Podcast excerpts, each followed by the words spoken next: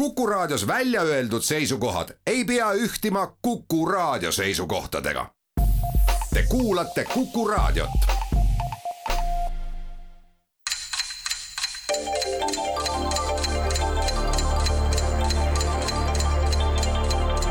tarkade klubi targemaid küsijaid toetab lisateadmistega Postimehe raamatukirjastus tere taas, Kuku raadio Tarkade klubi tervitab häid kuulajaid, ometi alanud ja kas just väga oodatud, aga pärale siiski jõudnud ja kanda kinnitanud hingedekuu esimesel laupäeval. kuul, mis vastukaaluks siinsel laiuskraadil oma süngele ja hallile ilmale on pakkumas ohtralt lusti ja rõõmupäevi nagu Mardi, Kadri ja Andrese päevad, no ja muudest läänelikest meelelahutustest rääkimata. Kas just seda paljudele depressiivse novembriga seostada saab, aga muide täna, sada kakskümmend viis aastat tagasi võeti Jämejala haiglasse vastu esimesed viis patsienti nimetatud raviasutus tegutseb samas paigas tänuväärselt tänapäevalgi edasi. hoidmaks siiski hingerõõmu ja meeleteravust, on Tarkade klubi tundmas suisa missiooni end täna taas lähema tunni jooksul ilmutada värskena ja seejärel taskuhäälingus värskelt marineerituna täis kõiki häid toimeaineid, mis mõttetegevuseks vaja meil on täna nädalase vahega taas kord hea meel tervitada siin Tallinna stuudios tegelikult häid naabreid Valgest Majast, mis jääb sinnapoole viinavabrikut, ehk siis Nutirissõna toimetajat ja agarat mälumängusõpra Kaarel Silmatut. tere hommikust! ja head audiitorit ning muhedat mälumängusõpra Viljar Allekit. tere! meie Tartu stuudios, kus naabriteks võib küll kõike ja kõiki lugeda, erudiiti arhitektuuriloolast Toivo Kreeki. tere päevast! ja IT-inseneri Priit Naruskbergi. tere! Hea meel, et olete meiega. meie tänase saate kümme küsimust on jaotunud järgmiste teemade alla. geograafia, loodus, metafoorid, Slava Ukraini ja Vaaria. ja tänased küsijad on täpselt samad, kes nädal tagasigi. Kivimäe kooli ajaloo ja ühiskonnaõpetusõpetaja Margus Pillau, raadiokuulajatest Eesti Maaülikooli professor Lauri Laanisto ja Helsingi hõbe Vladimir Suhharjev. alustame ja täna saavad avavaliku õiguse tallinlased. Viljar ja Kaarel, palun no eelmine nädal läks geograafia väga hästi. Läks äkki... hästi, aga kas, kas äkki kardame Eesti oma nüüd? no saame siis saame, noh. no saame siis saame. ei saa, saate hoopis madalmaade oma. madalmaade kuningriigi pealinn ja riigi suurim linn üldse, Amsterdam, paikneb Põhja-Hollandi provintsis. aga kummatigi pole see mainitud provintsi pealinn. mis linn on niisiis Põhja-Hollandi ametlik halduskeskus kummatigi on see maailmas küsitavast kunagi välja rännanud samanimelise asula või asumi järgi ehk enamgi tuntud ning Aafrika päritolu isikute väljapaistvate järeltulijate läbi eelkõige. mul on üks üsna hea pakkumine vist just Aafrika päritolu on, on selline linnaosa New Yorgis nagu Haarlem ja see on Hollandi linn? see on Hollandi linna järgi nime saanud, et kus ta seal täpselt asub, seda ma ei tea, aga minu meelest oli üsna Amsterdami lähedal ja jätame sellega jah me.... sest jah, Bataviad ja mingid muud asjad, need ei ja. ole enam linnad, see, see oleks Indoneesiasse läheks. noh, Zeeland, see on eraldi provints. jah, ja mingid, mingid jah, edasi mingid... Manhattan ei, ei ole selle järgi saanud ja jah, ilmselt küll jah, et no, kõik õige, loomulikult Haarlem ja New Yorgi asum Haarlem, mille Hollandi kolonistid omal ajal kui uus Haarlemi asutasid New Yorgi praegune keskus Manhattanil oli alguses teatavasti, nagu mainisite, uus Amsterdam, Harlem New Yorgis on afroameeriklaste osalt ka muude vähemuste traditsiooniline miljööala ja kultuurikeskus. ega midagi, Nobelt alustasime ja palun Tartu, Priit ja Toivo, teie valik. kas lähme edasi? ma ei tea, või Ukraina? meie armastame Ukrainat ma usun no,, et seda teevad ja. väga paljud kaasmaalased. ja jätkame Odessast, kus ka eelmisel nädalal peatusime. kohe pärast väärikuse revolutsiooni aastal kaks tuhat neliteist algas Ukrainas nõndanimetatud dekommuniseerimise protsess see sisaldab endas nii seniste punakohanimede ajalooliste variantide taastamist või nendele täiesti uute panemist, samuti kommunistliku ideoloogiaga seotud monumentide mahavõtmist ka kõikjal leiduvatele Leninitele asetati silmuskaela ja utiili või paremal juhul kuhugi teemaparki nad nõnda siis rändasidki. Odessiidid aga olid selleski asjas äärmiselt originaalsed. Nad mitte ei kõrvaldanud oma Leninit, vaid andsid sellele väga originaalsel kombel meilgi analoogilistel juhtumitel mõnikord jutuks olnud uue tähenduse rahva soov oli, et Ilitši kuju alles jääks, aga ühtlasi nõustuti, et kellekski teiseks muudetud kujul skulptor Aleksandr Milov, sündinud tuhat üheksasada seitsekümmend üheksa, muide esimesel aprillil, tegigi uue projekti, mis teoks saanuna nüüd linna elanikke ja külalisi rõõmustab. kelleks proletariaadi juht siis välimuselt teisendati, kõlab küsimus. küsitav on fiktiivne tegelane kultuuriloost, kelle ülemaailmne tuntus alles nelja ja poole aastakümne vanune on ja kelle groteskne skulptuur näiteks samuti Washingtoni rahvuskatedraali välisseinalt teiste hulgast vastu vaatab. sellisena on teda juba mälumängudes tegelikult varemgi küsitud. kelleks sai Odessa Lenin? fiktiivne tegelane nelikümmend viis aastat tagasi, see siis on seitsmekümne seitsmes aasta, katedraali seinal. kas ta ei saa olla vene kultuuriruum tõenäoliselt, mingid tähesõjad ah. vist on nad. kuule. ei, oota, esimene tähesõjad on umbes minu arust umbes, umbes, umbes sellel ajal olid. mõtlen, kes sealt võiks Han Solot. see on muidugi. ei ole ka sarnane, Kiilaks, ristiisa sa ilmselt ei tee. ristiisa on, noh ajajärk on sama, see laiem tuntus seitsekümmend seitse, no muidugi ristiisa. on seitse kaks või? jah, esimene, esimesed olid varem veel, kahjuks ma tähtede sõjategelasi ei tea mm,. Luke Skywalker Darth Vader. Darth Vaderiks võiks. kuule, see on kuskil seal slaavi maades on ta miskipärast jube popp. Washingtoni rahvuskatedraali välisseinalt ta teiste hulgas vastu vaatab, sellisena on mälumängus teda tegelikult küsitud, te vastasite selle ära, see loomulikult on Darth Vader.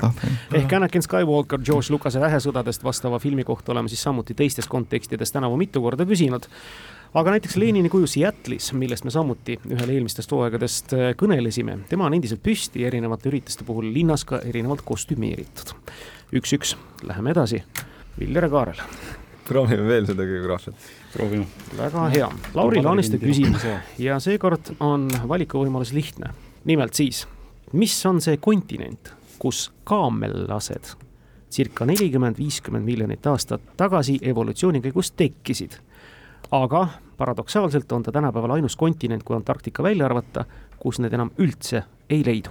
kontinent, selles mõttes, et äh, Ameerika näiteks üks maailmajagu on ju äh,. ei, kontinent, kontinent, siis on Põhja-Lõuna-Ameerika eraldi. ja, ja, ja, ja, ja. okei okay., ja Euraasia. Need on mandrid, aga, aga okei okay.. Äh, no manner ongi kontinent ju. jah, aga maailmajagu on, ei ole, noh jah, okei okay,. kontinent ütleb küsija okei okay.. sest siis ikkagi ma-, siis ikkagi mandri. Lõuna-Ameerikas on kõik need laamad, vikunjad, alpakad, konakud, need on ka, ka kammelased. Äh, Aafrikas, no Saharas ikka vist on, on ju. mõned leiab. jah, Austraalias kindlasti on, seal on mingi, nad on kuidagi sinna toodud ja nad on seal väga mugavalt ennast tundnud ja seal on millegipärast hästi palju kaamleid. no Euraasias jah. no samamoodi, eks ju. jah, Baktria kaamel ju mõne, mõne nagu leiad, eks. no jah, jah, Araabia poolsaar, et siis, äh, siis ju vist jääb ainult Põhja-Ameerika üle või? Seal ma kitsas, nagu kitsas, noh, Kanadas kaamleid kindlasti ei ole. USA-s, USA-s keeruline no,. Panamast alates ikka seal ei, ei ole vist. Mehhiko, Mehhiko kaamlid. ei ole, ei ole, need on inkad sõitsid, aga Azteegid neil ei olnud. et jah, et mõtlengi, et, et Lõuna-Ameerikas oli, Põhja-Ameerikas nagu ei, ei vist ei ole, pakume Põhja-Ameerikat. ja õige, väga õigesti, väga hästi välja raalitud, tõepoolest kõik kontinendid läbi käia kõigepealt, kus on, kus ei ole. Nad tekkisid Põhja-Ameerikas. Hmm. praegused seitse kaamellase liiki elavad kas siis Euraasias, nagu metsik bakterian, kodustatud bakterian, dromedar, Aafrikas, kus elavad siis dromedarid või Lõuna-Ameerikas laamad, guanakad, alpakad ja vikunjad algselt Põhja-Ameerikas elanud kaamellased olid umbkaudu jänesesuurused loomad, kes aja jooksul levisid lõuna poole läbi Kesk-Ameerika, Lõuna-Ameerikasse ja põhja poole, kustkaudu jõudsid ka Euraasiasse. Tallinn kaks, Tartu üks, vaatame, kas on täna jookseviskamäng. Priit ja Toivo, teie valik. Läheme siis Ukrainaga edasi. väga hea mõte. Ukraina on loodus- ja maavarade poolest väga rikas maa lisaks kõigile teadaolevale meeletule massile kivisöele Donbassi piirkonnas on riigi maapõuest leitud üle kahekümne tuhande erineva kaevandamist väärt vara, nende hulgas ka kakssada erinevat mineraali. millise maavara omamise poolest oma põues umbes miljardi tonniga on Ukraina maailmas number kaks kohal, kohe Hiina järel ja nii umbes kakskümmend protsenti maailma varudest arvatakse olevat selles riigis. tegemist on ühe keemilise elemendi vormiga millele nimetuse andis kaheksateistkümnendal sajandil sakslane Abraham Gottlob Werner kord, kui teda Inglismaal Barrowdale'is leiti, otsustati, et küsitava parim kasutusviis on lammaste märgistamine. kuninganna Elizabeth Esimene aga leidis talle hea rakenduse hoopis kahurikuulide liinivormide valmistamiseks. milline maavara? no ma ei tea, liinivormid, liinivormid, kips Hiina järel hmm.. miljard tonni üüratu no. ja kakskümmend prossa maailma sellest. Hiina järel teisel kohal ja lii-, ma ei kujuta täpselt ette, mida mõeldakse kahurikuulide liinivormi all. ühe keemilise elemendi Ja. vormiga. no, no ma, nagu ma ütlesin, kips on sellesamuse ränivorm, aga jah, mis veel võib olla?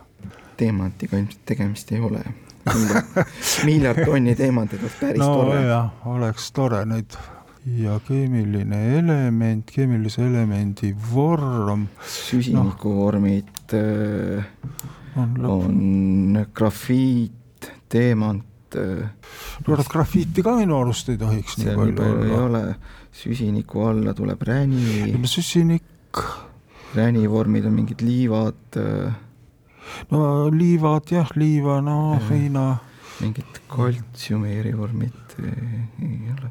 mõtlen, millest on niisuguse erindeid äh, niimoodi, noh, alumiinium, noh, alumiinium ei, ei, see ei tohiks, metallidega ma üldse kahtleks võib-olla.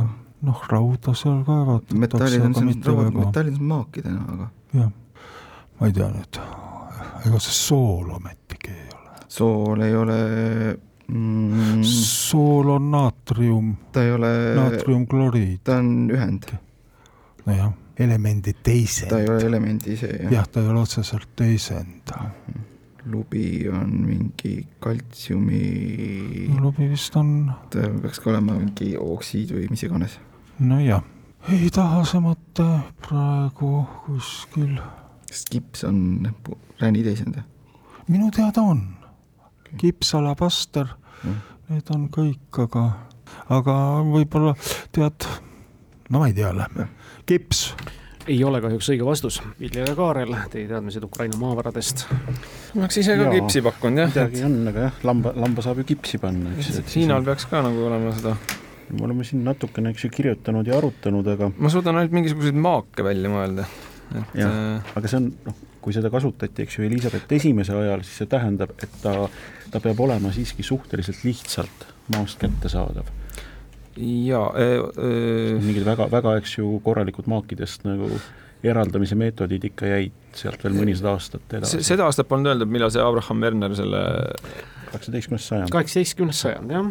ahaa, et enne, enne seda järelikult polnud keegi sellele nime pannud, sest see oli kuidagi saadaval, aga, aga keegi ei olnud mõelnud, noh, et mis, see on mis eraldi põhimõtteliselt tähendab, et ta ikkagi on enam-vähem, et sa korjad teda. mm. -hmm, mm -hmm. grafiit käis läbi, okei okay,, grafiidiga annaks lammast, eks ju, värvida küll, kahurikuulid ja liin. liinivorm on natukene võib-olla keerulisem, ta on nii habras ju, noh.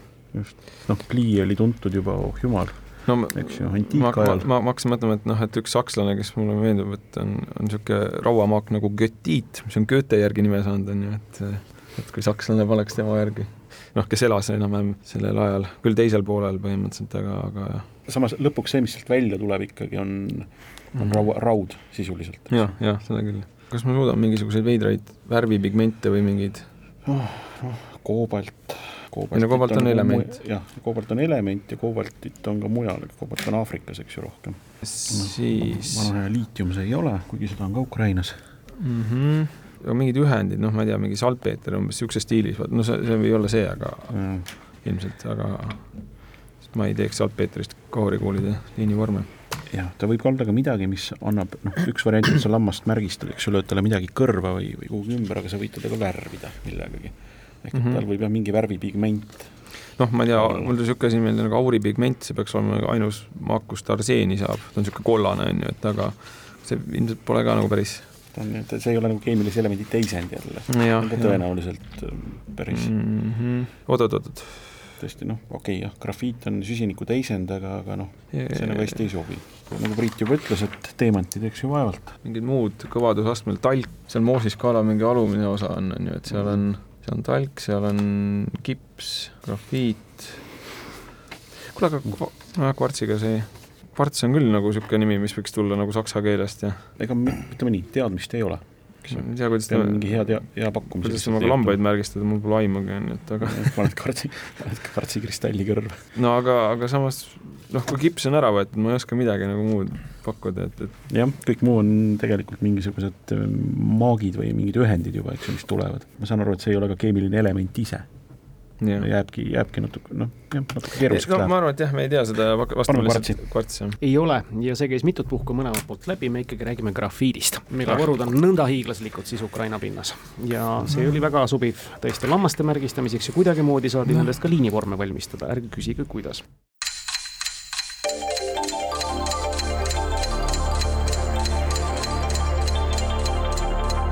tarkade klubi. Targemaid küsijaid toetab lisateadmistega Postimehe raamatukirjastus ega midagi, me läheme pärast nelja küsimust Tallinna kaks-üks eduseisus edasi. Viljar Kaarel, teie valik, loodustvaariat või metafoor? metafoorid äkki. no siin saame mingi kolme tundmatu muutujaga küsimusega, aga noh, kindlasti. ei välista, Lauri Laaniste küsib. millised keelendid on malafoorid, küsib ta. Need sünnivad siis, kui kohtuvad kahte tüüpi keelendid, malapropismid ja metafoorid. malafoorid kipuvad ilmnema enamasti suulises kõnes. üks kõige tuntumaid malafooride loojaid on kunagine väljapaistev Inglise poliitik Jim Hacker, kellel tuli neid kui jäneseid varrukast metafoor ja malapropism, mm. -hmm.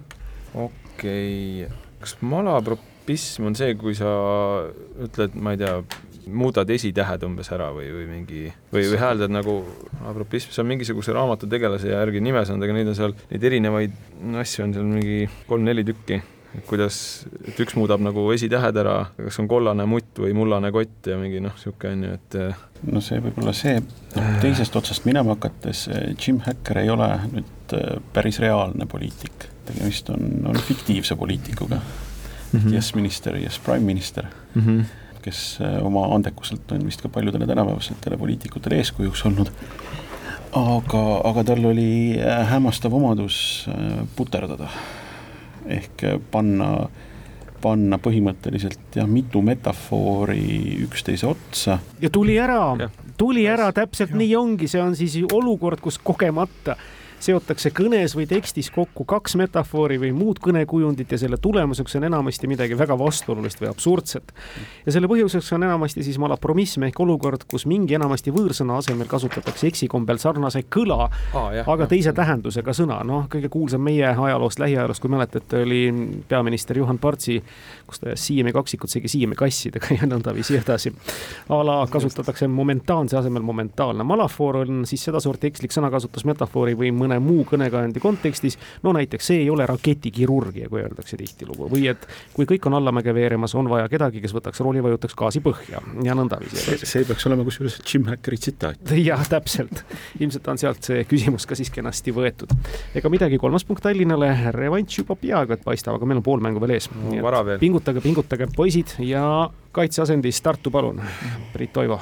minul eelistused puuduvad.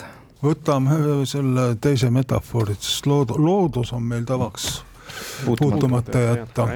läbi tule, vee ja vasktorude tulema on väljend, mida raskusi kogema pidanud inimeste kohta ikka ja jälle kasutatakse sellisel kujul on see juba niisuguste tuntud antiikautorite nagu Aristophanes, Plutarhos, Vergilius ja Horatius tekstides kohatav tule ja vee all mõeldakse ümberütlevalt siis tihtipeale äärmuslikke füüsilisi katsumusi, mida kogedes inimene nii kehalt kui vaimult karastub. vasktorude või nii nagu mõnikord veel laiendatult väljendatakse, vile ja vasktorude all pidasid vana ja targad aga järgmise etapi teatud laadi peeneid, aga seda keerulisemaid ning vastuolulisemaid hingelisi katsumusi silmas. milliseid, kõlab küsimus. sõnast vasktorud on otsene vihje ka tegelikult tuletatav. orelivilet, taevasse Kui ma- minek. Äh, kui mõelda orel, aga ta on antiikajast, antiikajast vile ja vasktorud, aga mingisuguseid noh, puhkpille oli ikka seal ka.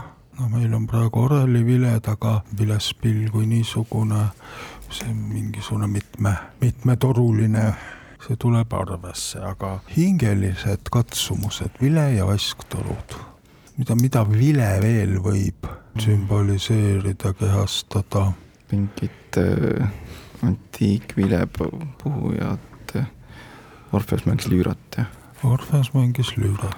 kes see paan mängis flööti või? paan, no paaniflööt on olemas, aga ta mingi, mingisugust puhkpilli igal juhul mängis. Nemad, neil olid roo, roopillid või?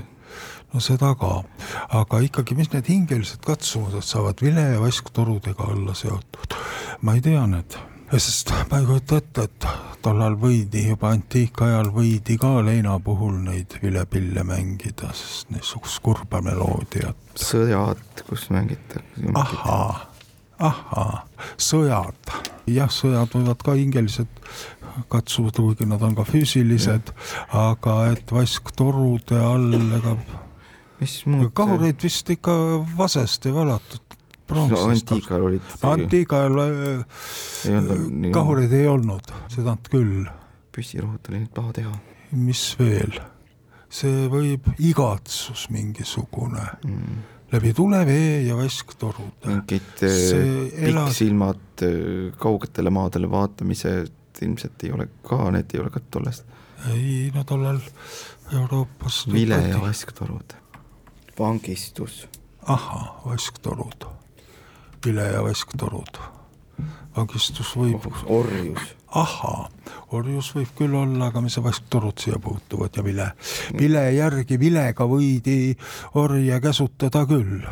ja mingit äh, ahelate metafoor noh, see, see aga see ei ole ju nagu vaim, see on ka nagu füüsiline. see on ikka füüsiline, nii füüsiline kui vaimne. Ei taha, ei taha siit praegu tulla. ma ei tea nüüd aga mis sa sellest leinast ikka, et sa oled, sa oled niisuguseid hingelisi katsumusi, et sa oled pidanud lähedased ise kannatama, aga oled pidanud üle elama ka lähedaste kaotuse. noh, kas oli tollal matused traditsioonid, traditsioonides mingeid vasktorusid, kuidas see, see vanas no, Kreekas neid ma ei tea, kuskilt nagu on meeles, et matustel mingit vilespilli mängiti, aga noh, see võib kuule, Need võivad tõesti olla mingisugused sõna otseses mõttes kiusatused, noh, sireenide mm. laul, noh ah, no, näiteks. näiteks. tahab sind õigelt teelt kõrvale juhtida ja sina siis ikkagi stoiliselt pead vastu, üks variant. Ma ei tea, nagu see surm ja teistpoolsus imponeerib praegusel hetkel rohkem, aga. no kui sa nii. ma ei, ma jah, ma, aga, aga mul pole ka millestki kinni hakata. no ei ole jah no siis liigume leina peale. ei ole lein see, mis punkti toob.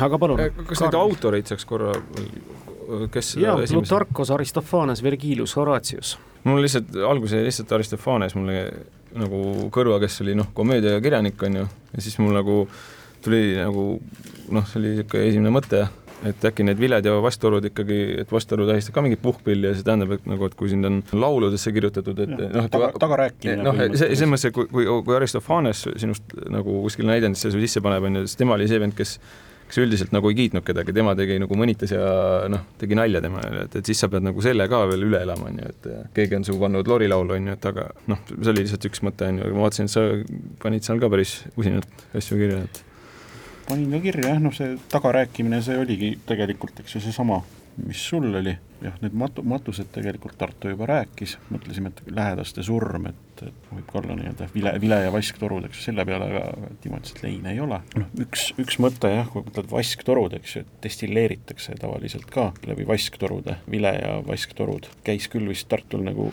korra ideena läbi, on ju, aga et noh, mingisugused kiusatused, millest sa pead siis tugevamana välja tulema no,. võid, võid nii-öelda ju, juua ja pidutseda ja selle käigus muutuda, eks ju, paremaks inimeseks. vist üks, üks nii-öelda mõneteistkümnest klassikalisest, eks ju, filmistsenaariumist mm -hmm. lühidalt kokkuvõetuna, aga, aga see vist ei ole ka see nojah, aga kui me, kui me nendest nüüd no see vile, vile on tõenäoliselt ikkagi metafoorne vile ja vasktorud on ka metafoorsed vasktorud no vot ongi, et mida, mida nagu toona, ehk siis noh, kui sa Plutarhos või Aristofanes kirjutasid, on ju, et see peab ikka mingi niisugune, ütleme viies sajand enne Kristust, ütleme, on, on, on nagu kasutatakse Kreekas vaskturusid nagu mis eesmärgil. ja, ja vaimne, jah, ja vaimne kannatus, sest küsimuses oli ju ka, et vasktorud annab mingisuguse on otsene vihje tegelikult tuletatav, sõnast vasktorud. kupram on ta nüüd ladina keeles, aga oot-oot-oot-oot, kreeka keeles on halkis aga noh, muidugi seal oli Vana-Rooma poete ka, ehk siis nagu kuprum võib seal ka olla, on ju. ja see on ikkagi hingeline katsumus. see ei ole mingi, mingi füüsiline, et sa pead minema kuskile kõrgele sealt veetorud jooksma ja käima panema. veetorusid tehti pliist toona sealt on see Roomas- Roomas plumbum ja plumber ja kõik see on sealt tulnud. just, aga erakuks olemine, sellised teemad, üksildus, mille sa pead välja kannatama, ma ei suuda seda vasktorudega küll kuidagi siduda. noh, et Kü- Küpros sai Vase järgi nime, on ju, et, et siis väga geograafiliselt pead Küprosel ka ära käima, on ju. kas, kas Homeros oli ka üks neist, Ei, kes ei ei, Homerast ei olnud mainitud. Plutarhos, Aristofanes, Horatius, Horatius. Jah. okei okay,, Virgilius kirjutas eposi või noh, eepose, Plutarhos oli, oli rohkem nagu, nagu teadlane või nii, ajaloolane. jah, ajaloolane on ju, et Aristofanes oli koomik ja Horatius oli küll lüüriline luuletaja, on ju, et äh, väga hästi nagu kokku ei, ei sobiks samasse žanri. kas sind sunniti äkki kuidagimoodi sinu, sinu usku eitama või sinu usku muutma no toona usule kindlaks jääma siis, eks ju, natuke vara, natukene vara jah, et see, see on selline pigem niisugune mon-, monoteistlik teema vist jah, et jah, ma mõtlen, et siin pidi otsene sõna vasktoru kohta on mingi sõna, mis on nagu otsene vihje, kui ma nüüd mõtleks välja, et mis see sõna olla võib, ma ma pean kahjuks võlgu jääma, et kuidas toru nagu on. mõtle, kas mõni sõnatüvi või midagi, mis kuprumiga või kupriit, küpriit või halkis, halkos, halk-, oota, üritame, üritame äkki mõelda kuhugi mujale, me oleme mõelnud kiusatused, eks ju, laulud, tagarääkimine, mingi surm, lein, matused, kui sul läbi tuleb veeok ja sa oled füüsiliselt rämedalt saanud tatti, noh siis veel vile ja vesktorude, aga äkki on, et sa pead nagu, et sa oled nii palju tulnud ja siis sa pead veel teiste nagu niisuguseid pilkeid ka nagu taluma, et, et mulle nagu meeldiks see, et, et selle ongi peale, ega mul ka midagi paremat ei tule. ei, vot ei ole ka see punkti väärt, mõlemalt poolt käis idee alge nii-öelda läbi, me räägime ikkagi kiusatustest. aga mitte nendest, mida te mainisite, see on siis kuulsuse ja maise hiilguse kiusatusega proovilepanek, noh, see, et võim pähe ei hakkaks piltlikult öeldes, sellega tuleb toime tulla. kõik see, mis inimese sisemiselt uhkeks, ülbeks ja kõrgiks võib muuta tänapäeva muuhulgas staarikompleksina tuntud, seda peeti silmas vasktorude all ja vasktorud tähistavad siis sümbolina fanfaare ja teisi puhkpille, mida mõne tähtsaks peetava isiku auks ja kiituseks puhutakse üks vastumärk sellele ka on ühes meie hiljutistes mängudes küsitud ja kirjeldatud Sic Transit Gloria mundi rituaal, mida siis algselt Rooma paavstide kroonimisel rakendati mm. -hmm. nii, vasktorude küsimus jäi meil nüüd grafiidi kõrval. kas sa näe, keemilised elemendid tekitavad raskusi vastamata. Ja ega muud kui Kaarel ja Viljar, Vaariat või loodust. no, no nüüd alati on variant, eks ju, et loodus jäetakse võtmata, siis on selline lihtne no küsimus jaa, aga siis me saame no aga siis me saame selle lõpus otsustada loodusega, on ju, et ja võtame, võtame pigem vaaria, muidu on pärast Tartus jääb kaks vaariat. Nii, ja saame kaks loodust. Vaaria küsimust alustame tegelikult loodusest, tahtsite seda või ei tahtnud, pigem mitte. tuvid on toredad linnud ning nii bioloogiliselt kui ka erinevate semiootiliste tähendusväljade kaudu inimeste jaoks märkimisväärselt olulised. oma kallimaid näiteks kutsume meie mehed, no kaunitel hetkedel, paljud meist vähemalt, ikka tuvikesteks, kristlikus religioonis on valge tuvi teatavasti püha vaimu sümbol. Tuvi ladinakeelsest nimetusest on tuletatud aga üks mõiste, millega Vana-Roomas hakati eufemismina tähistama midagi, mida ebausuga seotud hirmude tõttu otsesõnu välja öelda ei söandatud. mida siis? antiik-Roomas oli väljapaistvaim omataoline Pomponius Hüülase nimelise mehe rajatu esimesest sajandist Kristuse sünni järel Eestis on küsitavad olemas nii Tallinnas kui Tartus. teadaolevalt esimene tehti aga Torisse aastal kaks tuhat üks. Venemaal on tuntuim vastavatest aga Moskva Kremli üks juba pikaaegseid nii sisulisi kui imagoloogilisi osasid. no et tuvi on kolumba. kolumbaarium. no, jah, see on kolumbaarium, mis muud, ehk tuhaurnide hoidmise ruum, ehitis või rajatis. Kolumba ladina keeles tuvi, kolumbaarium, tuvila või tuvimaja, mida esimesed urnihoidlad inimestele meenutasidki. Toril siis Püha Jüri kiriku seinas, Moskvas muidugi Kremli müüris, Punase väljaku ääres.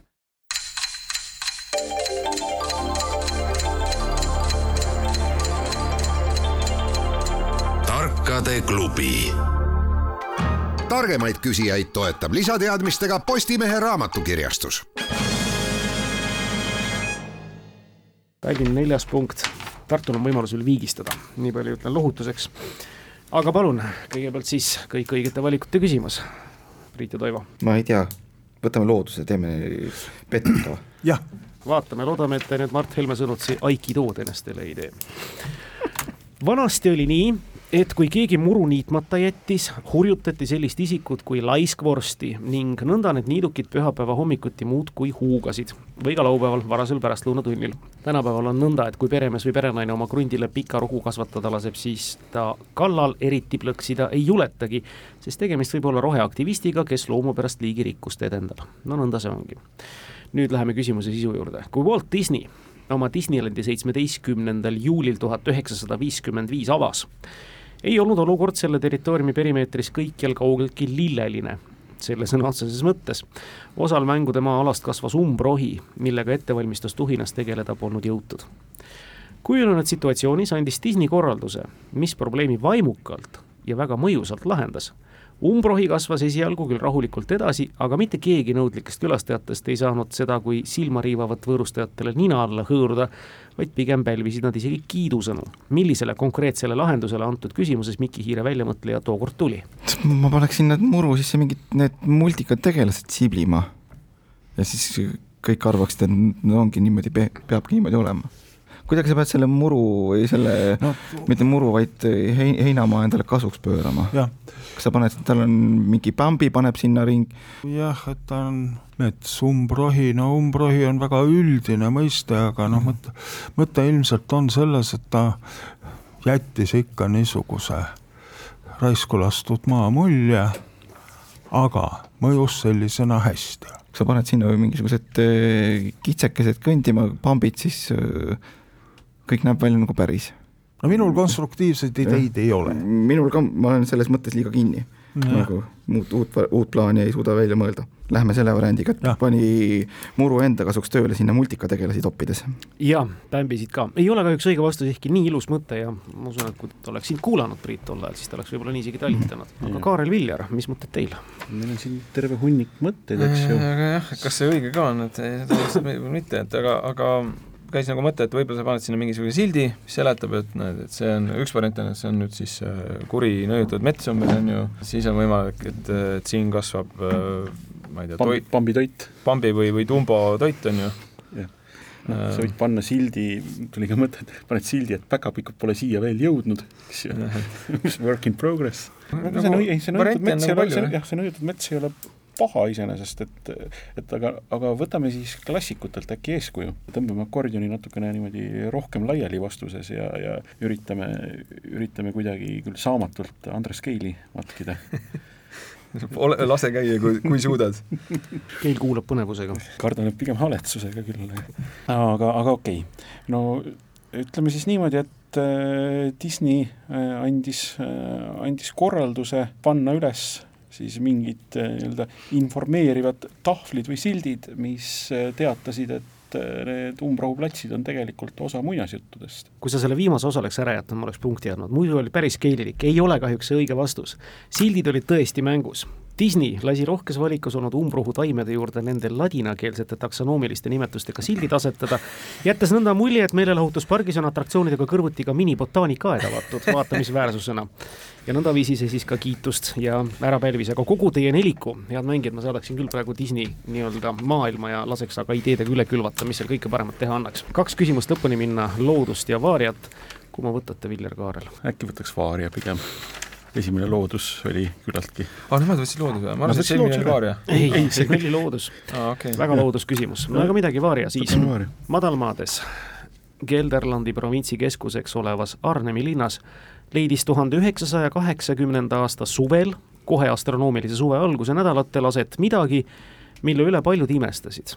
imestasid seetõttu, et see kõnealune loogiliselt hoopis kusagil mujal pidanuks toimuma. taoline sündmus oli Arnemile, tagasihoidlikule Tartu-suurusele linnale harva avaneva soodsa juhuse ärakasutamine, mis tänapäeva asjaomastest põhimõtetest või välja kujunenud praktikast lähtuvalt sealsamas niisugusena enam korduda ei saaks.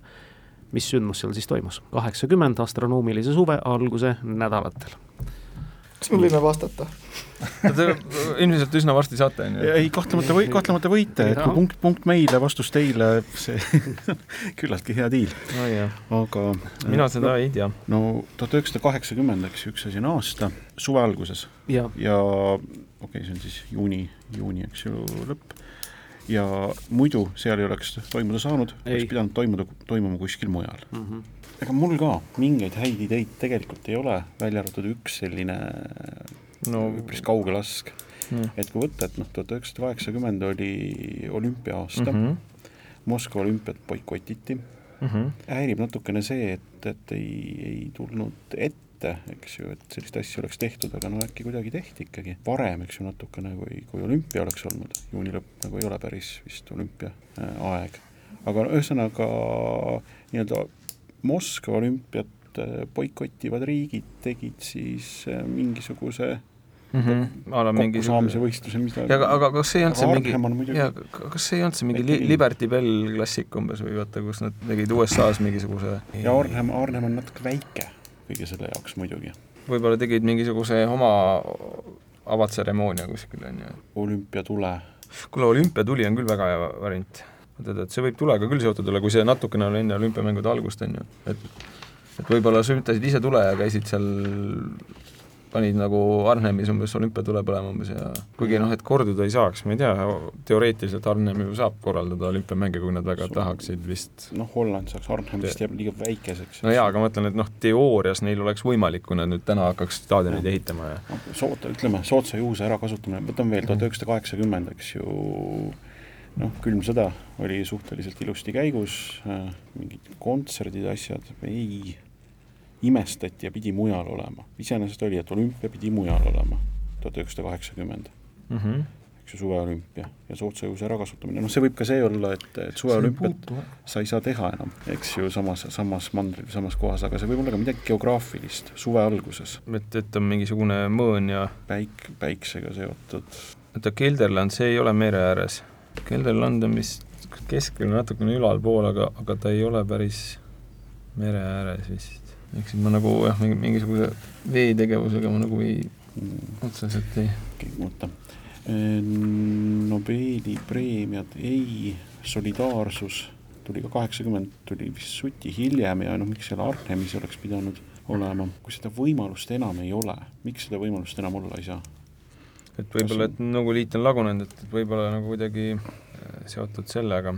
noh, see ei saa olla nagu midagi kosmosega, eks ju, soodsa juhuse ärakasutamine. no see on midagi, et pidi toimuma mujal, mägi ronimine see selgelt ei ole mm. -hmm aga no vot, nüüd on, nüüd on meil nagu, eks ju, suhteliselt kinni jooksnud, et, et see algne olümpia mõte nagu käis, aga noh, see ei tundu endale ka eriti, eriti hea nagu noh, ütleme, et mingi olümpia no, konkureeriv üritus no aga äkki, äkki süüdati, olümpia tuli lihtsalt nagu vaba maailma olümpia tuli seal, noh. Lähme, jah, lähme sellega, ütleme, et eh, tart-, tartlased selgelt nagu ohkavad, peksavad pead vastu seina ja laudu praegu, et anname neile võimaluse see võimalus, see võimalus täpselt tulebki, nii et Tallinna vastus on ilus, aga vale. no küll praadisite meid kaheksakümmend eh, Moskvas loomulikult paraolümpiat pidada ei saanud, siis tuli selleks teine koht leida ja absoluutselt õige, paraolümpiamängud.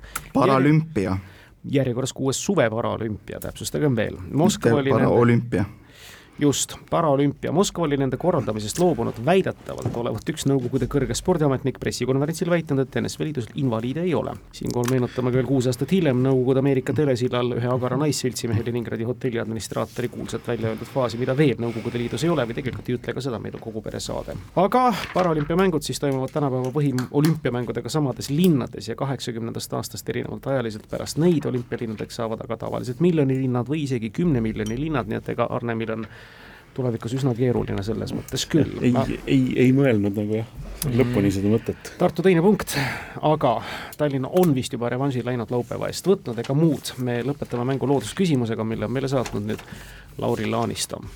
ja küsib ta järgmist.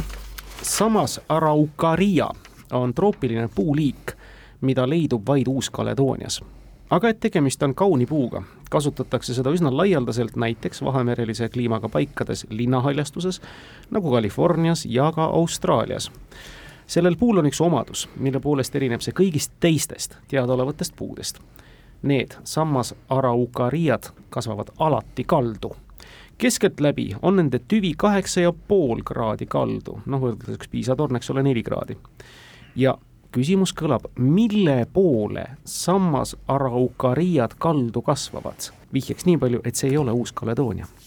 aga kus iganes tahes sa nad maha istutad, nad millegi poole lähevad kaldu. põhja või lõuna? no et ilmakaarte suhtes, päikseloojang, päiksetõus, ida või lääs? see võib, Meka poole nad ilmselt ei lähe. noh, seda võib arvata, et Meka poole ei ole. Või see oleks muidugi midagi enne, ennekuulmatut, samas see võib olla ka, et nad kasvavad kaldu näiteks lähima veekogu poole, aga noh, see ta on Uus-Meremaal, kuidas ta teab, kummal pool see meri lähemal on? ei, ma jäingi mõtlema, et see ei pruugi pädeda. no ta on, eks ole, sammas, sammas raukar äh,, okaspuu minu teada. jah, ma mõtlen teda, ma saan aru, et nad kasvavad igal pool selle poole kaldu. siis mingi midagi see võib olla, tähendab seda, et siis lõu-, kui nad oleksid päikese poole, siis nad oleksid lõunapoolkeral hoopis põhja poole kaldu, kui nad oleks nagu selle, selle poole. päikese tõusu, päikese, kuuga midagi seoses. kuu ei ole, aga selles Ei, päik-, see võib olla jah, kas ida või lääs, sest keskpäeval on päike põhjas või lõunas on suhteline, aga päikesetõus, päikseloojang ei ole suhteline. päikesetõusu poole, ida poole. no loogiline oleks, et pigem, aga miks sa arvad tõusu, ma jäin mõtlema just, et lo loojangu või poole. siis loengu poole, sest et äh, või siin on midagi, midagi kavalamat veel, no ta võib kuidagi maa magnetväljaga olla seotud, aga see magnetväli on ka just põhja-lõunaga seotud. mm -hmm. maa, mingi magnetpooluse poole, no jah no., need küll vahetavad aeg-ajalt kohti, aga no triivivad jah, noh, või, või see, aga noh, see on suhteline. vahetavad pooluseid ka aeg-ajalt, siis no ja peavad- seda ka, peavad siis äh, puud ennast ümber pöörama. aga mis variante veel on? kui ma õieti mäletan, nad on Uus-Guineast pärit. ei, Uus-Kaledooniast olid aa ah,, Uus-Kaledoonias. ja nad peavad olema mingid väga, nad on mingid äh, väga vanad äh, reliktid, noh, Araucaaria vist on küll. peaks olema väga vana relikt, et mille poole nad me oleme jälle kinni selles, et äh, ilmakaartes. jah, ilmakaared, mis seal võib olla, mis on puu jaoks olulised, vesi, päike, õhk ja vesi. Jah, sellepärast üritasin kuidagi tuule, kust poolt tuul tuleb, selles mõttes, et Puu. Uus-Kaledoonias seal, ma ei tea, mis ei tuulesuunad no seal on, eh, kui sa paned ta mujale, siis tähendab haljastusse, kuhu iganes. Mm., siis tal see nii-öelda geneetiline mälu on alles, ta hakkab ikka sinnapoole mm.. ah, ma ei tea, kas mõtleme üle või? kui ta oleks päikese poole kaldu, siis äh, nojah, see oleks see, mismoodi, siis ta keeraks siis ta sellest. niimoodi valdu või mingi keskpäevase päikese poole Jah., siis tekib küsimus, mis ta ekvaatoril teeks. oleks, aga äkki ongi ekvaatori poole. lõpetame need Aga piinad, see ongi ekvaatori poole, mida me Mhm. tahtsime vastusena saada no,. aga tore arutelu ja ma usun, et küsimuse autor, loodusökoloog, taimeökoloog Lauri Mhm. Laaniste professor Maaülikoolist muheleb. Te kogusite kolm punkti Tallinna nelja vastu tänases mängus, mis näitab, et rivalid ikkagi nendel kahel laupäeval on väärinud üksteist igati ja väga tore on teiega olnud. täna jäid siis vastuseta meil Ukraina grafiit, vasktorud metafoorina ja Walt Disney umbrohi aga tänase mängu lõpetuseks, Tallinna võiduka mängu lõpetuseks valime siis jällegi teie abiga parima kuuldud küsimuse. Disney minu poolt mulle meeldib ka see umbrohi. Niisiis Disney vaimukus, kuidas teha umbrohust vaatamisväärsus aastal viiskümmend viis oma kuulsat Disneylandi avades saab siis täna Margus Pillov parima küsimusena auhinnatud suur,. suur-suur tänu, Toivo Priit Tartusse, ilusat hingede aja jätku ja novembrikuu loodetavasti helget kulgemist. aitäh, Kaarel, aitäh, Viljar Tallinnasse stuudiosse tulemast, soovime teile edu, jõudu ja uute taaskuulmisteni. hoolega hoitud auhinnad toob kohale Smartpost Itella lõpetame saate taas kuulajamänguga. eelmisel laupäeval lõpetas saate küsimusena esmalt üks loetelu. Usbekkidele batõr, kreeklastele tšurek, grusiinidele madauri. küsimus kõlas, mis eelkuuldut kõrvas pidades võiks sobida armeenlastele? loetelus oli tegemist erinevate rahvaste leibadega, täpsemalt siis lameleibadega ja armeenlastele on selleks mõistagi lavaš, mis oli ka õige vastus. kõige õigesti vastanute vahel naeratas loosiõnn kuulaja Elina Kalmule Saaremaalt. palju õnne, teiega võtame ühendust. uus nädala küsimus kõlab järgmiselt. see aastail tuhat üheksasada nelikümmend üheksa kuni tuhat üheksasada viiskümmend kolm ühes Pariisi kutsekoolis raadioelektroonikat tudeerinud noormees tundis endas väga suurt poliitilist potentsiaali ega olnud ka oma vastavatest tunnetest kade teistelegi rääkima. oma võimaluse sisimuses peitunud potentsiaal realiseerida ta ka sai. kahjuks, nagu tõdevad täna ajaloolased kes oli see Pariisi raadioelektroonika tudeng, kõlab küsimus. ootame vastuseid küsimusele e-posti aadressil tarkadeklubi at kuku punkt ee või tavapostiga aadressil Tartu maantee kaheksakümmend, Tallinn, Kuku raadio, Tarkade klubi. samadel aadressidel on oodatud ka kuulajate küsimused saates mängivatele tarkadele. tänaseks lõpetame, aga meenutame, et kõik meie saated on järelkuulatavad läbi Kuku raadio kodulehe taskuhäälingu Kuulmiseni!